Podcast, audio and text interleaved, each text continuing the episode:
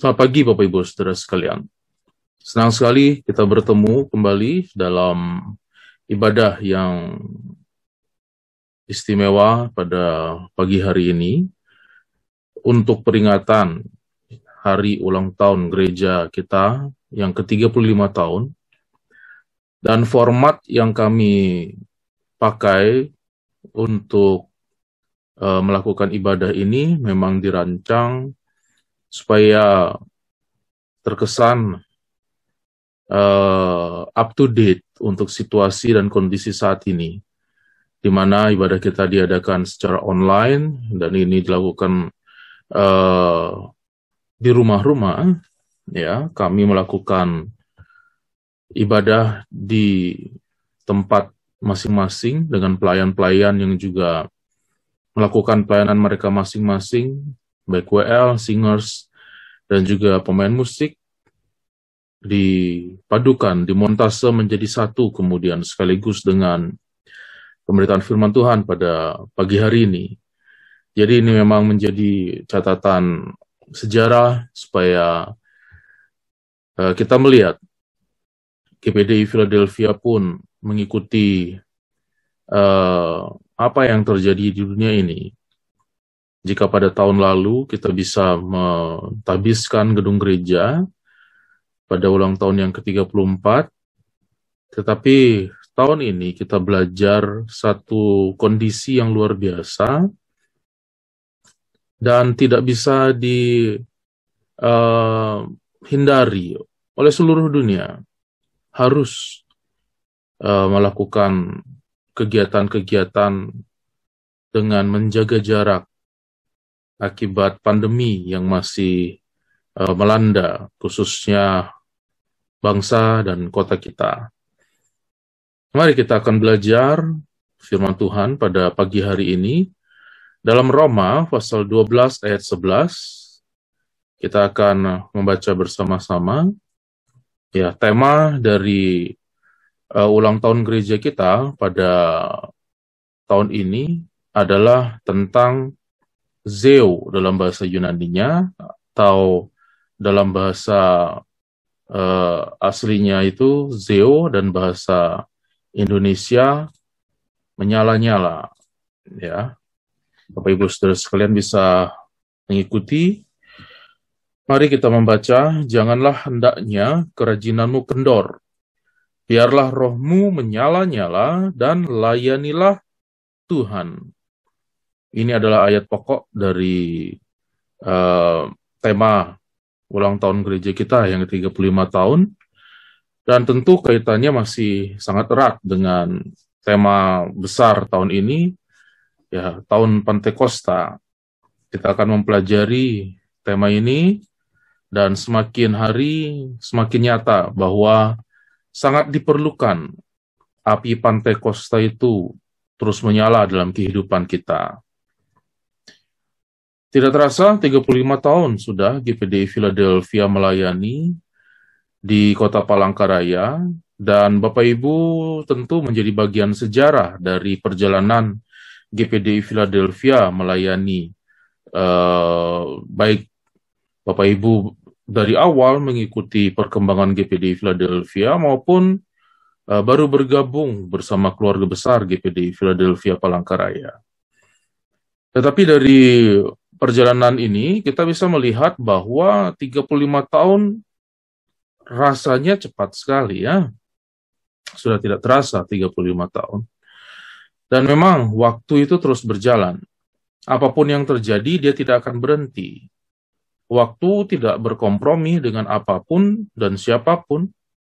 Dia tidak peduli apa pun, dia akan terus berjalan, berdetik, Selama 35 tahun GPD Philadelphia melayani Tuhan, dan kita melihat sampai saat ini Tuhan memberkati pelayanan ini.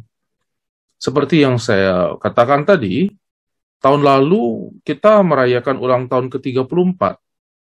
Walaupun pandemi sudah melanda, kita masih sempat untuk mentabiskan gedung gereja kita yang sudah dibangun sekitar 20 tahun proses pembangunannya. Dan sampai sekarang masih dalam proses penyelesaian, finishing pembangunan. Tujuan utama kita untuk membangun gedung gereja yang besar, tentu supaya bisa menampung lebih banyak jiwa-jiwa untuk datang beribadah kepada Tuhan. Menurut perkiraan, gedung gereja kita bisa menampung sampai 1.200 orang, tapi sampai sekarang sangat belum maksimal kita menggunakan dan menikmati gedung gereja itu. Segala rencana akhirnya juga perlu disesuaikan dengan pandemi ini, bahkan akhirnya dalam ulang tahun ke-35, GPD Philadelphia Palangkaraya yang nanti jatuh pada tanggal 27 Juli 2021, dan seharusnya hari Minggu ini kita bisa bersuka cita bersama, beribadah di gedung gereja yang kita bangun bersama, akhirnya tidak bisa terjadi. Memang ironis kelihatannya. Baru tahun lalu ditabiskan dengan kerinduan untuk dipakai lebih meriah, lebih banyak jiwa yang hadir, yang datang untuk ibadah. Tapi sekarang, ini yang kita lakukan untuk menunjukkan ironi itu. Saya berkhotbah di depan layar komputer. Bapak Ibu juga melakukan ibadah di depan layar handphone atau komputer. Di rumah masing-masing. Ya. Dan itu sangat baik untuk kita menyelami apa yang terjadi di dalam hidup kita ini. Di dalam hidup kita ini, banyak hal yang perlu penyesuaian-penyesuaian. Setiap hari, setiap saat. Ya, apalagi dalam musim pandemi ini, kita diajarkan makna lebih dalam tentang waktu, hidup, dan kesempatan. Bahkan juga tarikan nafas, yang ternyata sangat vital bagi kita. Kita harus semakin menyadari bahwa waktu di dunia ini terbatas. Hidup ini bukan kuasa kita, kesempatan bisa berakhir, nafas yang kita anggap biasa, kita bahkan sering kotori ya dengan polusi, bahkan ada yang dengan asap rokok. Tapi hari-hari ini nafas ternyata luar biasa berharga, lebih dari segalanya. Ada orang yang rela beli atau jual apa pun untuk mendapatkan satu tarikan nafas lagi di dunia ini. Mahal sekali harganya sekarang. Nafas ini. Dan penyesuaian-penyesuaian itu tentu menimbulkan pengaruh. Bisa sukacita, bisa duka cita. Ya, seperti saat ini. Kita harus melakukan penyesuaian. Ibadah kita lakukan dengan model seperti ini. Kita bisa bersikap sukacita atau duka cita, itu tergantung kemudian pada pemahaman kita. Kita bisa kehilangan orang yang kita kasihi. Atau kita mendapatkan anggota baru dalam hidup kita ini. Baik dalam proses pernikahan atau kelahiran, kita kehilangan orang-orang bisa karena meninggal dan seterusnya. Dan bukan itu saja yang terpengaruh pendidikan, pekerjaan, pelayanan bisa cepat berubah dalam kondisi seperti ini. Sehingga eh, dalam masa pandemi ini, yang terus rasanya semakin dekat mempengaruhi kita, kemudian menjepit kita, apalagi orang-orang di sekitar kita, ada banyak yang kena korban, atau mungkin kita sendiri yang menjadi korban, pikiran kita ini menjadi numb. Numb itu dalam bahasa Inggris, dalam terjemahan Indonesianya itu penuh. Rasanya ke, seperti kesemutan kepala ini. Kebas. Saking terlalu banyaknya yang dipikirkan. Satu belum selesai, datang lagi yang satu. Satu belum jadi, datang lagi yang lain. Rasanya tidak habis-habis juga empati, simpati yang sudah dilayangkan, melihat tekanan hidup orang lain. Ya, kalau kita melihat situasi dan kondisi seperti ini. Karena itulah syukur kepada Tuhan, pada ulang tahun yang ke-35 ini kita akan mempelajari firman Tuhan yang akan memberikan cahaya terang supaya kita mampu melangkah satu langkah lagi di dunia ini setiap langkah diterangi oleh cahaya firman Tuhan. Mari kita akan melihat dulu uh, latar belakang dari uh, Raja Daud, sekilas latar belakang dari Raja Daud. Ya. kita akan membaca dalam 1 Samuel pasal yang ke-30 ayat 1 sampai 6. Ketika Daud serta orang-orangnya sampai ke Siklak pada hari yang ketiga, orang Amalek telah menyerbu tanah Negeb dan Siklak. Siklak telah dikalahkan oleh mereka dan dibakar habis. Perempuan-perempuan dan semua orang yang ada di sana, tua muda, telah ditawan mereka.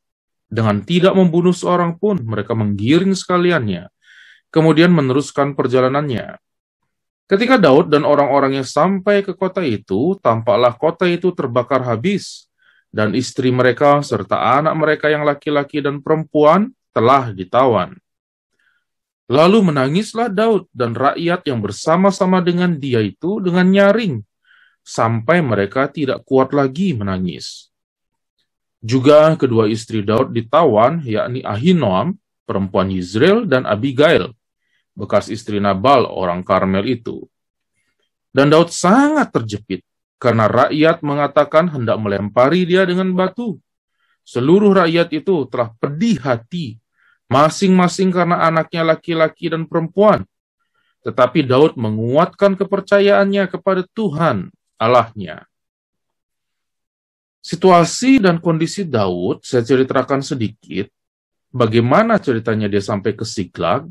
Daud pada waktu dia sudah mengalahkan Goliat, keberhasilannya itu menakutkan Raja Saul. Ya, Raja Saul kemudian semakin hari semakin iri kepada Daud dan berikhtiar membunuh Daud. Walaupun kemudian Daud menjadi menantunya, Raja Saul tetap berusaha membunuh Daud. Daud melarikan diri dan singkat cerita, karena sak saking dia takutnya dengan Raja Saul, dia berpura-pura gila. Sampai dia ketemu dengan Raja Akis, Raja Gad orang Filistin. Dia diterima untuk menjadi tentara bayaran dari Raja Filistin ini.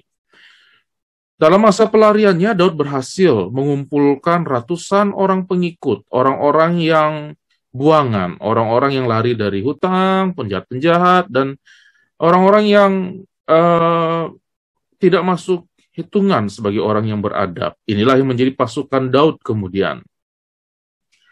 Dan sekarang dalam pertempuran yang akan diadakan oleh Raja uh, Akis dengan Raja Saul di uh,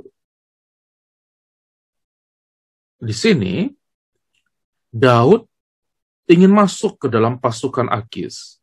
Dia mencoba untuk datang dan bergabung di dalam perang ini. Tetapi anak buah Raja Akis protes. Mereka tidak mau Daud masuk dalam pasukan mereka dan akhirnya Akis menyuruh Daud pulang. Pada waktu itu Daud meninggalkan semua keluarganya di Siklag. Dan ketika dia pulang inilah yang terjadi. Orang Amalek sudah merampas keluarganya, istrinya, anak-anaknya, begitu juga dengan seluruh anak istri dari pengikutnya. Bahkan ternak mereka, harta mereka semua dijarah. Dan posisi Daud sangat terjepit. Betul-betul tidak ada harapan lagi bagi Daud untuk pergi ke mana. Situasi ini betul-betul sangat menekan Daud. Ya, ditekan dengan khawatirnya kepada keluarganya ditekan juga dari dalam oleh pengikutnya. Tetapi apa yang dilakukan oleh Daud? Di dalam ayat yang ke-6, Bapak Ibu Saudara sekalian tadi bisa melihat, satu-satunya yang bisa dilakukan oleh Daud bahwa dia menguatkan imannya. Ya, dia menguatkan kepercayaannya kepada Tuhan Allahnya. Dan kemudian pada ayat 8, jika Bapak Ibu Saudara sekalian mau melanjutkan sedikit pembacaan itu, dia datang kepada Tuhan. Dia tidak berhenti untuk berjuang. Dia tidak menyerah. Dia datang kepada Tuhan. Daud berusaha keras untuk menunjukkan kepercayaannya kepada Tuhan Allahnya. Dia tidak mundur. Dia tidak bersungut-sungut. Dia tidak menghasihani dirinya sendiri. Dia menguatkan imannya. Dia datang kepada Tuhan. Dia berdoa dan minta petunjuk Tuhan. Dia bertanya kepada Tuhan apa yang harus dilakukan. Jadi luar biasa solusi yang Daud berikan dalam suasana yang terjepit, dalam suasana berbahaya, orang-orang sudah hampir melempari dia dengan batu. Pemimpin yang yang yang yang mengecewakan pengikutnya, pemimpin yang membuat kerugian besar dan seterusnya, diejek dia. Tapi dia lari kepada Tuhan. Itulah contoh yang mengharukan. Contoh yang baik bagi kita pada hari-hari ini. Bisakah kita mengambil contoh dari Daud? Secara corporate, secara bersama-sama, gereja kita mengalami ujian yang berat. Kita menghadapi stagnansi pembangunan. Ya, secara kasat mata, kita tidak akan berani untuk menyuruh jemaat memberikan ekstra persembahan lebih, pekerjaan lebih, atau seperti dulu kita gotong royong datang ke gereja dalam situasi ini. Tidak, tidak bisa. Kemungkinan besar pembangunan akan menjadi prioritas terakhir pembangunan gereja apalagi untuk kita lanjutkan ada pos-pos lain yang lebih membutuhkan kelihatannya. Tetapi yang lebih berbahaya daripada gedung itu, gedung yang mati itu, kita menghadapi stagnansi iman jemaat. Kita menghadapi stagnansi diri kita sendiri. Banyak jemaat sekarang sudah jarang kita lihat. Baik dalam kesibukan mereka berjibaku, berjibaku, berjuang dengan pandemi ini, ataupun sebaliknya kita pun sudah tidak sanggup menjangkau semuanya. Karena urusan kita sendiri untuk bertahan di tengah pandemi ini pun rasanya nggak habis-habis. Satu dipegang, satu lepas. Satu dicari, satu hilang.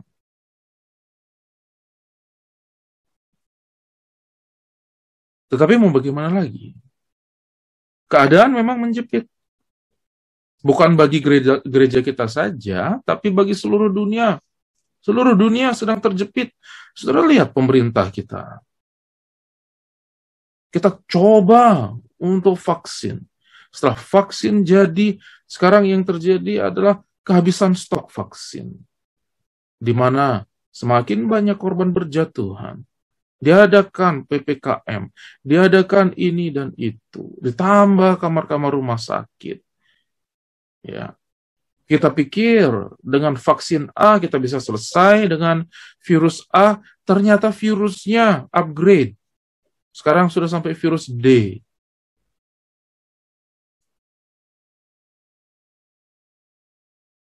Belum lagi keadaan ekonomi.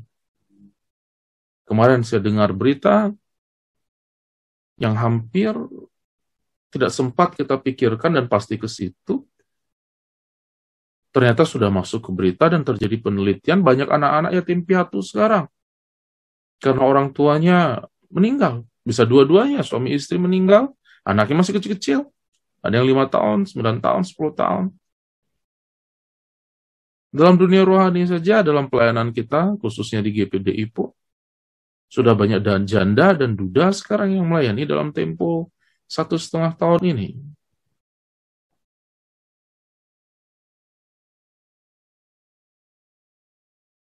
Itu secara corporate. Secara personal. Masing-masing kita punya masalah sendiri. Pendidikan, pekerjaan, hubungan dengan keluarga, suami istri, anak dengan orang tua, kehilangan pekerjaan, kehilangan pegangan, masalah ekonomi dan dan sebagainya. Masing-masing kita punya masalah itu. Belum lagi yang sedang terserang penyakit, sedang berjuang untuk bertahan hidup? firman Tuhan memberikan solusi kepada kita. Kuatkan iman. Datang kepada Tuhan.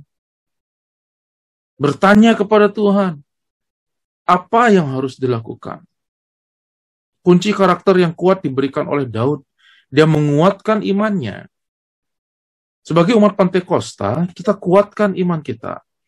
Tapi roh kudus yang sudah kita terima bukan membakar di detik itu saja, tetapi nyalakan terus sampai sekarang. Di saat paling menjepit dan berat, malah kobarkan lebih besar lagi. Jika dalam kitab Samuel kita belajar dari Daud perasaan terjepit, ada satu tokoh lagi yang disebutkan oleh Rasul Paulus dalam surat Roma ini, dia pun dalam posisi terjepit, yaitu Abraham. Abraham, pada masa tuanya, dia dalam posisi terjepit. Karena sampai saat itu janji Tuhan belum dinyatakan kepadanya, yaitu dia akan mendapatkan keturunan. Mari kita lihat dalam Roma pasal 4 ayat 18 sampai 22. Saya akan membacakan bagi Bapak Ibu Saudara sekalian Roma pasal 4 ayat 18 sampai 22. Sekap, sebab sekalipun tidak ada dasar untuk berharap, namun Abraham berharap juga dan percaya bahwa ia akan menjadi bapa banyak bangsa menurut yang telah difirmankan. Demikianlah banyaknya nanti keturunanmu.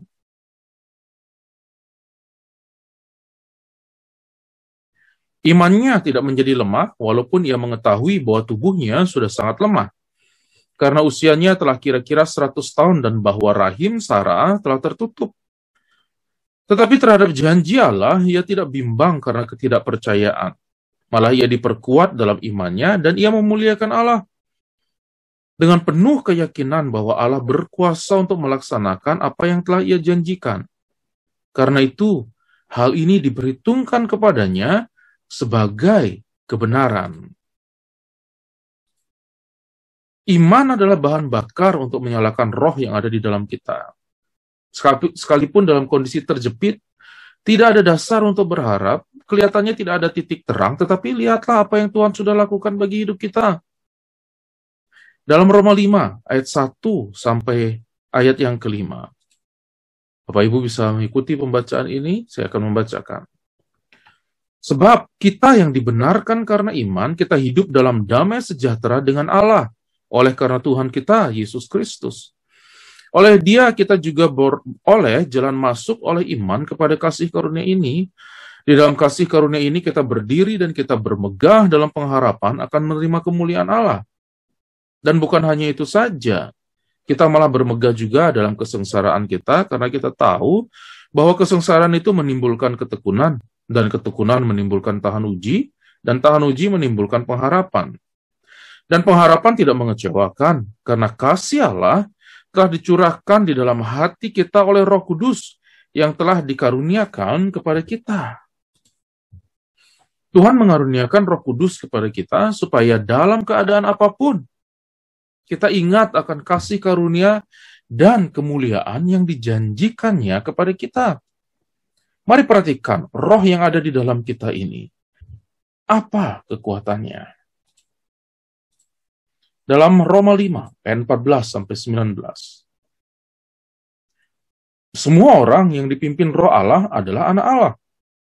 Sebab kamu tidak menerima roh perbudakan yang membuat kamu menjadi takut lagi. Tetapi kamu telah menerima roh yang menjadikan kamu anak Allah. Oleh roh itu kita berseru, ya Aba, ya Bapa. Roh itu bersaksi bersama-sama dengan roh kita.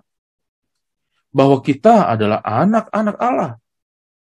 Dan jika kita adalah anak, maka kita juga adalah ahli waris. Maksudnya, orang-orang yang berhak menerima janji-janji Allah yang akan menerimanya bersama-sama dengan Kristus.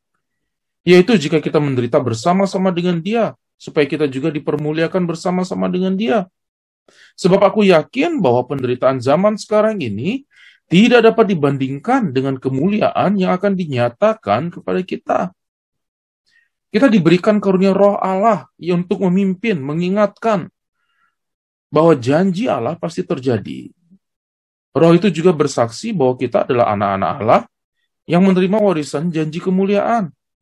Sehingga kunci yang diberikan kepada kita memahami pentingnya roh itu terus menyala-nyala adalah untuk mengingatkan bahwa penderitaan zaman sekarang ini tidak dapat dibandingkan dengan kemuliaan yang akan dinyatakan kepada kita.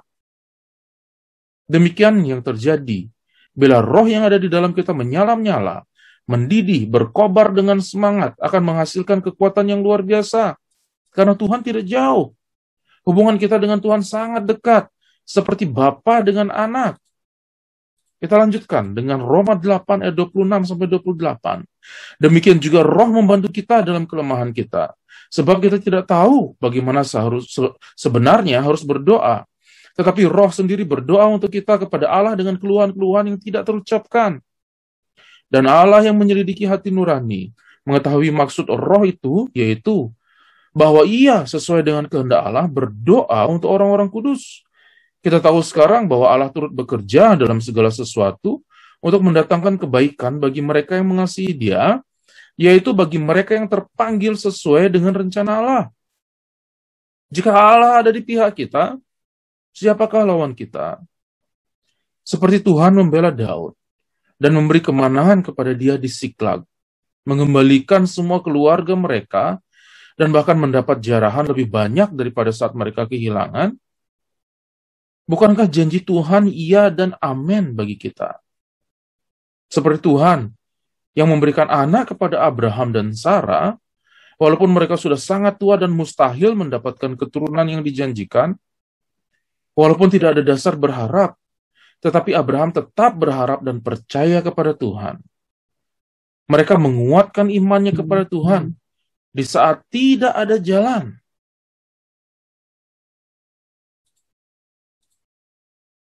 apa pesan firman Tuhan kepada kita dalam 35 tahun gereja Pantai Costa di Indonesia, Jemaat Philadelphia Palangkaraya. Tidak ada alasan untuk kendor. Tidak ada alasan untuk berhenti. Tidak ada alasan untuk mundur.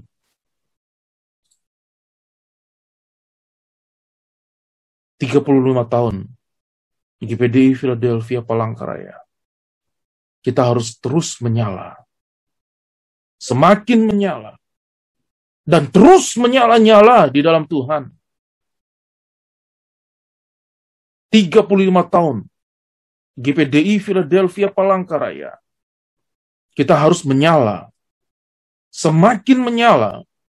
Dan terus menyala-nyala di dalam Tuhan. Puji Tuhan. Puji Tuhan. Mari kita berdoa. Segala puji, hormat, dan syukur kami naikkan kepadamu Bapa. Terima kasih untuk kebenaran firman-Mu, supaya dalam 35 tahun GPD Philadelphia Palangkaraya ini, kami terus menyala dalam kondisi terjepit kami menguatkan iman kami.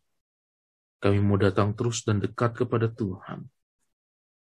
Terima kasih Bapak untuk roh kudusmu.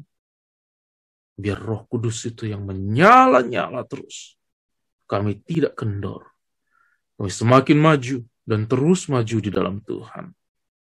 Segala kemuliaan bagi Tuhan. Dalam nama Tuhan Yesus Kristus. Haleluya. Amin. Puji Tuhan, saya kembalikan kepada Ibu Gembala dalam pelayanan selanjutnya.